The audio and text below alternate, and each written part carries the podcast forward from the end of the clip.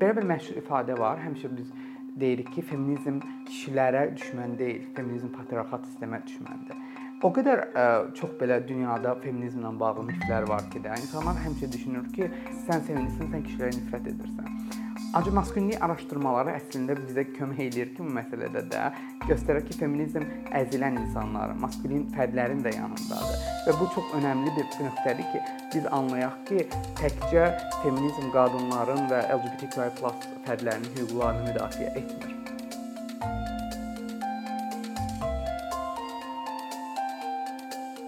Maskulinlik araşdırmaları ümumiyyətlə gender araşdırmalarında çox zaman ə, ikinci dərəcəyə atılmış və görünməyən bir ə, araşdırma sahəsi olaraq ə, konseptləşdirilir. Nəyə görə? Çünki çox zaman biz görürük ki, gender elmlərinin içində feminizm dalğası daxilində qadın həyatları, qadın hekayələri və LGBTQI+ fərdlərinin hekayələri daha qabarır və önə çıxır. Lakin biz maskulinliyi və patriarxal sistemi anlaya bilmirik çox zaman və ikinci planda qalır. Bu kontekstdə əslində 70-80-ci illərdə müəyyən bir ədəbiyyat formalaşmağa başlayır, lakin 90-cı illər bu ədəbiyyatın formalaşmasının ən önəmli hissəsi olur. 93-cü ildə Messerschmitt öz kitabını çıxardır və 95-ci ildə məncə ən önəmli ə, hadisələrdən biri Raven Connell, ə, Avstraliyalı sosioloq özünün ə, Masculinities, maskulinliklər kitabını çap edir 95-ci ildə və ə, Connell burada çox önəmli bir termini ədəbiyyata gətirir. Hegemonic masculinities, hegemonik maskulinliklər və bu termində o bizim bu günləri ağdərili, imtiyazlı, ə, heteroseksual kişi modelinin hegemonik maskulinlik adı altında konseptləşdirir və patriarxal sistemin problemlərini onların ə, dəyərlər sistemi vasitəsilə bizə göstərməyə çalışır. Connellin gətirdiyi çox önəmli bir dəyişiklik olur və 2005-ci ildə yenidən o kitabının ikinci versiyasını çıxardır və əlbəttə ki, burada çoxlu kritiklər də gəlmişdi Konnelə ki, e, bu çox ümumiləşdirmə getmişdi. Ancaq bu ümumilikdə maskulinlik araşdırmaları üçün çox önəmli idi. Yəni biz burada artıq ə, erkək fərdlərinin, male erkək fərdlərinin həyat hekayələrinin patriarxal sistem daxilində ə, araşdırıldığını və onların artıq gender elmlərinin bir hissəsi olduğu qənaətinə gələ bilirdik. Connelldən başqa dediyim kimi artıq 2000-ci illərdən bu ə, maskulinlik araşdırmaları sahəsində olan ədəbiyyat daha da genişlənir. Məsəl üçün çoxlu jurnallar ortaya çıxmağa başlayır. Hansılar ki, birbaşa birbaşa olaraq ə, bu ə, yazıların, bu sahədə olan araşdırmaları bir araya gətirir. Məsələn, mənim özümün çox yaxından izlədiyi bir jurnal var, Norma. Bu jurnal Skandinaviyada dərc olunur və bütün dünyadan olan akademik yazıda olan maskulinlik sahəsinə aid yazılar götürülür oradan. Məsəl üçün Ruandadan, Kambocadan, Kolumbiyadan, İsveç, Norveç fərqli maskulinlik modellərinin bir araya gəldiyi bir jurnaldır bu. Və əlbəttə ki, bu jurnallardan çoxdur və fərqli saylar var. Sadəcə mən mənim üçün oxuduqlarım arasında norma mənim üçün çox maraqlı gəlmişdi və bu proses əslində davam eləyir və hələ də inkişafa baş verən prosesdir və bu əslində bizə çox böyük kömək olur ki, də maskulinlik araşdırmalarını gender araşdırmalarından ayırmırıq biz və onu gender araşdırmalarının bir hissəsi olaraq göstərməyə çalışırıq.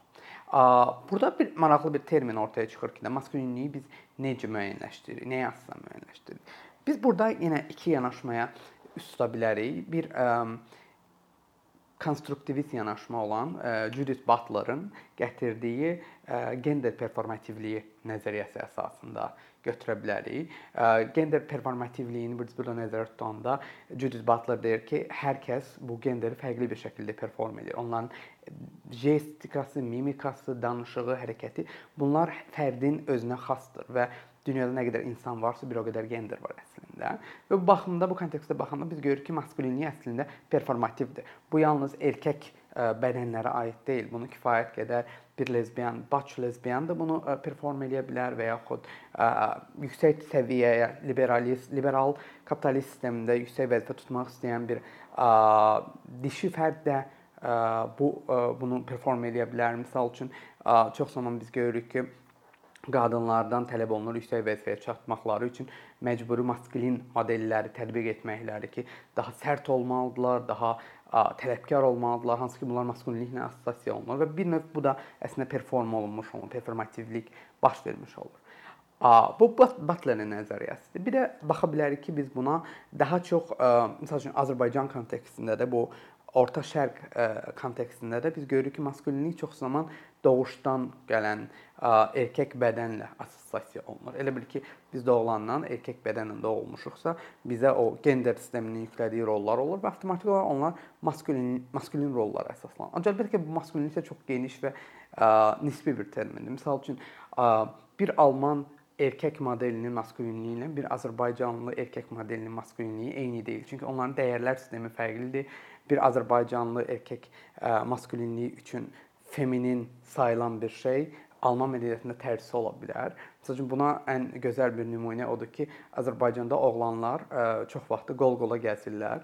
Məsələn, bir Avropalı bunu görəndə o düşünür ki, bu onlar qeydirlər, onlar homoseksualdırlar, lakin ə, bu bu maskulinlik imajı tam fərqli bir şəkildə göstərilir və mədəniyyətə xas bir şeydir o baxımdan və bu da çox gözəl e, nümunələrdən biridir ki, əslində maskulinlik necə nisbidir.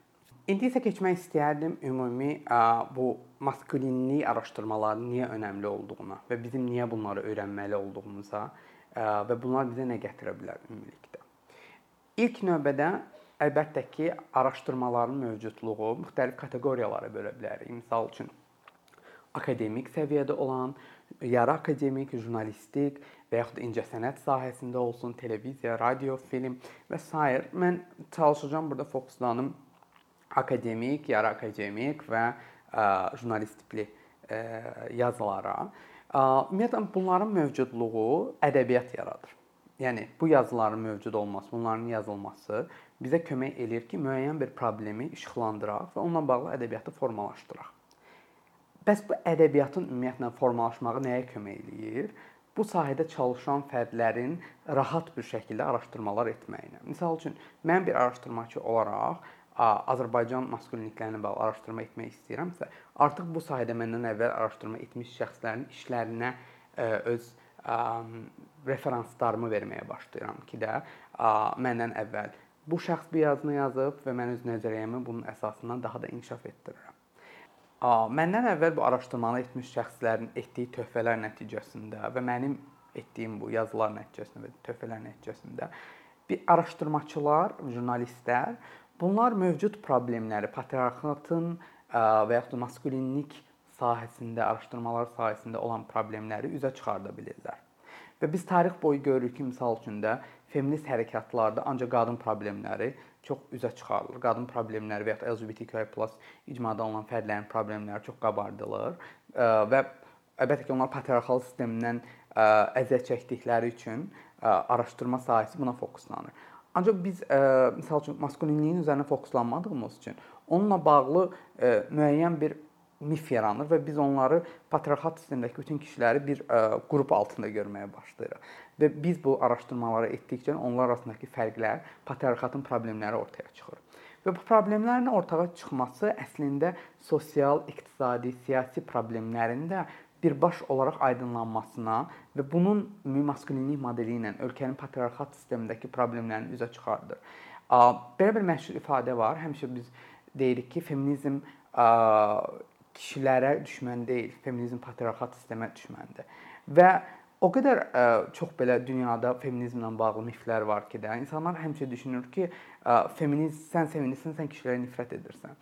Ancaq maskulinlik araşdırmaları əslində bizə kömək eləyir ki, bu məsələdə də göstərir ki, feminizm əzilən insanların, maskulin fərdlərin də yanındadır. Və bu çox önəmli bir pointdir ki, nöqtədir ki, biz anlayaq ki, təkcə feminizm qadınların və LGBTQI+ fərdlərinin hüquqlarını müdafiə etmir. Məsəl üçün sosial-iqtisadi və ya siyasi problemlərdən danışanda biz məsəl üçün bu maskulinlik araşdırmalarının çərçivəsində müəyyənləşdirə bilirik ki, ümumiyyətlə iqtisadi prosesdə məsəl üçün e, erkək fərdlərin cəmiyyət tərəfindən gender qoyulmuş o patriarxal sistemin fərdlərə qoyduğu gender rolları ailə içi şiddəti nə dərəcədə qaldırır, nə dərəcədə düşürür. Biz həmişə məişət zorakılıqdan danışırıq və məişət zorakılığından danışarkən biz həmişə fokuslanırıq zərər çəkmişin üzərinə, hansı ki, çox əhəmilidir bunu etmək. Ancaq eyni zamanda bu zərər verən şəxsin, bu şiddəti uygulayan şəxsin arxasındakı motivlərə, onun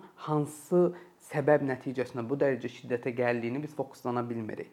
Və əslində biz baxanda görürük ki, bu şiddətin arxasında yüzlərlə səbəblər ola bilər də. İqtisadi asılılıqlar. Məsələn, iqtisadi baxımdan bir insan 300-350 manatlıq işdə işləyirsə, əlbəttə ki, o insanın problemləri, ailəni e, saxlamaq, övladlarını böyütmək kimi problemləri olacaq və biz misal üçün və ya onun ətrafındakı dostları ilə vaxt keçirə bilməməyi və biz misal üçün biz bunları bilmədən, bunları araşdırmadan zərər verən şəxsin motivlərini tam anlaya bilmirik. Və bu əslində bir növ patriarxat sistemlə də əlaqəli olur. Halbuki biz bu məsələni araşdırsaq və bunun dərinliklərinə gedə bilsək, burada birbaşa həll yolunu görmüş olacağıq.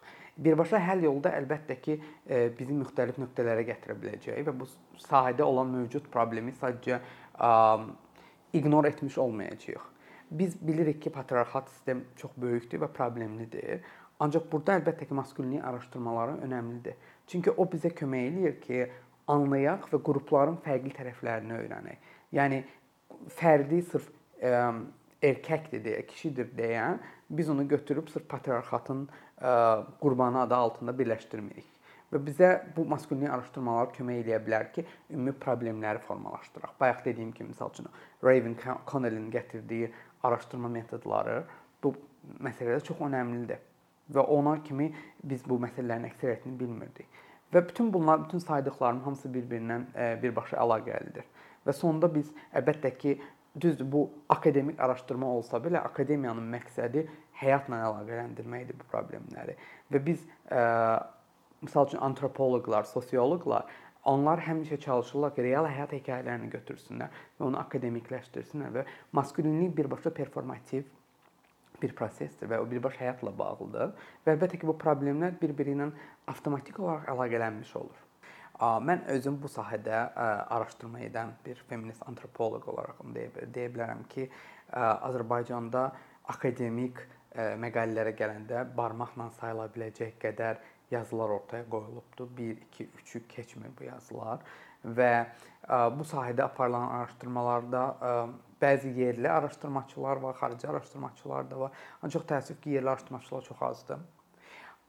Jurnalist tipli məqalələrə gələndə mən indiyə kimi görmüşəm bir dənə media platforması, hansı ki, sırf onların bununla bağlı bir xüsusi sayıları olubdu və o Qafqazdakı maskulinlikləri araşdırıb və Azərbaycan maskulinliklərinə müəyyən dərəcədə daxil olunub onun içinə. Ancaq bunlar daha çox jurnalist tipli yazılar olduğu üçün daha geniş əhatəli olmayıbdılar. Ancaq yenə bunların mövcudluğu da çox önəmlidir. Bunu nəzərə alaraq mən bir başqa məsələyə fokuslana bilərəm ki, burada Azərbaycandakı mövcud feminist hərəkat necə inkişaf eləyir? Biz görürük ki, Azərbaycandakı feminist hərəkat fokuslanır LGBTQI+ qadın fərdlərə. Və biz burada təsvir olsun ki, maskulinlik araşdırmalarını görə bilmirik və maskulin fərdlərin kifayət qədər bu məsələnin içində formalaşmağını görə bilmirik. Bu əslində bir növ şey yaradır, problem yaradır və separasiyaya gətirir, çıxardır. Məsəl üçün feministlər burdadır, patriarxal sistem və maskulinlik, fərdlə maskulinliklə bağlı olan araşdırmalar burada qalmağa başlayır. Və bu bir tərəf digər tərəfə keçə bilmir və bu artıq kifayət qədər seqreqasiya yaratmağa başlayır. Məsəl üçün Azərbaycanda hələ də insanlar düşünürlər ki, sən feministsənsə, sən kişiləri nifrət edirsən. Və bu düzdür Azərbaycanda baş verən feminizm çox yenidir. Nə baxımdan yenidir? Məsəl üçün 2005, 2006 bu bu dövrə qədər baş verən feminizmlə müasir 2010-cu e, illərdən başlayan feminizmi ayırmaq məcburidir. Çünki onlar tamamilə iki fərqli dalğada gedirlər və müasir Azərbaycandakı feministlərin tələbləri daha ə, sərt tələblər, daha patriarxal sistemə qarşı olan tələblərdir. Hansı ki, ondan əvvəlkilər daha patriarxal sistemdən konsensusa getməyə meylli olan bir feminizm olubdur. Və bu perspektivdə baxanda biz görürük ki, e, sözün həqiqi mənasında maskulinlik araşdırmalarına bu sahədə olan e, kişilərin həyat hekayələrini anlamağa çox böyük bir ehtiyac var. Çünki biz bunu anlamadığımız sürə e, müddətcə bu seqreqasiya davam etməyə başlayır, davam edir və bir növ elə bil ki, cəmiyyət iki hissəyə ayrılır da. Eyni zamanda Azərbaycandakı ümumi mədəniyyətə baxanda, ümumi ədəbiyyata baxanda, ümumi e, filmlərə, musiqilərə baxanda biz görürük ki, hər zaman belə bir e, kişi kişi olmaq, maskulin olmaq, xüsusi bir terminlərlə, xüsusi bir hörmətlə, xüsusi bir izzətlə hər zaman belə yaradılır və göstərilməyə çalışır. Məsəl üçün kişi geyimlərindən tutmuş, kişi davranışlarından tutmuş, kişi saç stilindən tutmuş. Mən burada kişi sözünü istifadə edirəm, lakin mən bunu əslində erkək mənasında nəzərdə tuturam. Bunların hamısı birbaş mədəniyyətlə bağlıdır. Və təəssüflər olsun ki, indiyə kimi Azərbaycanda demək olar ki, tam bunu araşdırmış bir yazı ortaya qoyulmayıbdı da. Yəni müəyyən ədəbiyyat var, ancaq bu dərindən araşdırılmayıbdı və ə, biz baxanda anlaya bilmirik ki də tam olaraq okey maskulinlik Azərbaycan kontekstində tam nədir? Çünki Azərbaycan çox maraqlı bir ölkədir. Həm Türkiyədən ə, öz özünə müəyyən ənənələri götürüb, həm İrandan götürüb, həm Rusiyadan götürüb, həm qonşu Qafqazdan götürübdü və qonşu Özbəkistan var, Türkmənistan var və bunlar avtomatik olaraq bir ölkənin mədəniyyətini, onun anlayışlarını tarix boyu çox fərqli şəkildə inkişaf elətdirib də. Və bu baxımdan maskulinlik və ümumiyyətlə bu kişilik anlayışı Azərbaycan regionunda çox fərqli formalaşıbdı. Və ə, bu baxımdan lazımdır ki, biz bunu anlayaq ki, bu fərqlər necədir? Bu fərqləri öyrənmək bizim həyatımıza nələri gətirə bilər? Və əlbəttə ki, ə, yəni akademik perspektivdən belə bir önəmli cəhət var ki də, bunlar araşdırılır, ortaya qoyulur. Akademik olaraq, araşdırmaçı olaraq sən bunu ədəbiyyata gətirirsən. Artıq fərdlər olsun, dövlət olsun, qeyri-hökumət təşkilatlar olsun. Buna necə istifadə edəcək? Bu artıq onlara qalır. Ona görə mən sırf akademik perspektivdən deyirəm ki, bu yazılar çıxarılıb ortaya qoyulmalıdır.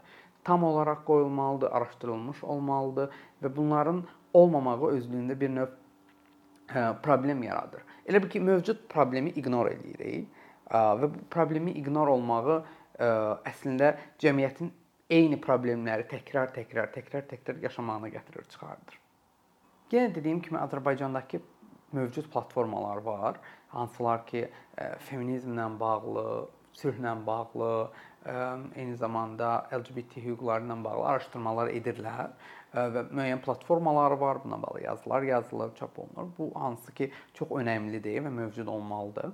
Ancaq ümumi onların yazı kontekstlərinə biz baxanda, araşdıranda biz görürük ki, təsvirlər olsun ki, maskulinlik ümumiyyətlə o, o məsələn onların araşdırma sahəsində belə deyil. Və demək olar ki, bununla bağlı onların fəaliyyəti, bu platformaların fəaliyyətində heç bir araşdırma yoxdur.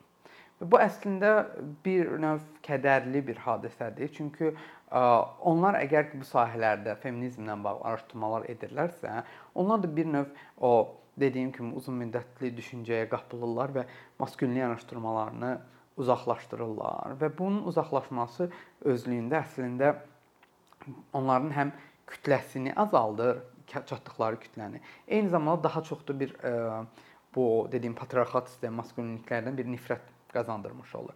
Ancaq mən halbuki düşünürəm ki, onlar bu sahələrdə də araşdırmalar etsələr, ə, Azərbaycandakı ə, maskulinlik və patriarxal sistemin feminizmə qarşı olan nifrət müəyyən dərəcədə azalmış ola bilər.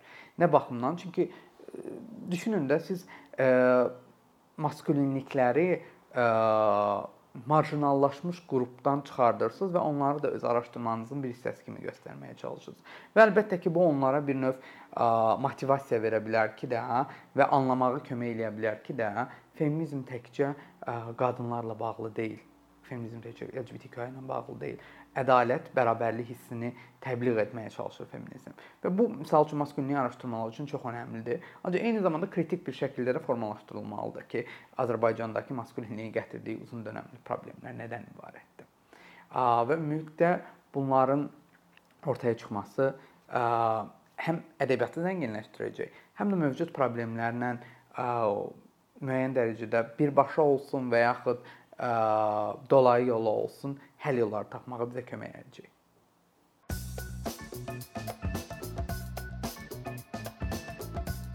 Bir neçə ildir ki, əkinçi olaraq Azərbaycanlı izləyicilərin hər zaman faydalana biləcəyi keyfiyyətli və ən əsas ödənişsiz kontent hazırlamağa çalışırıq. İndiyədək təqdim etdiyimiz onlarla animasiya və yüzlərlə çəkilişlər tələbələrin, mütəxəssislərin, müəllimlərin və ümumiyyətlə yeni mövzulardan xəbərdar olmaq istəyən çox sayda insanın marağına səbəb olub.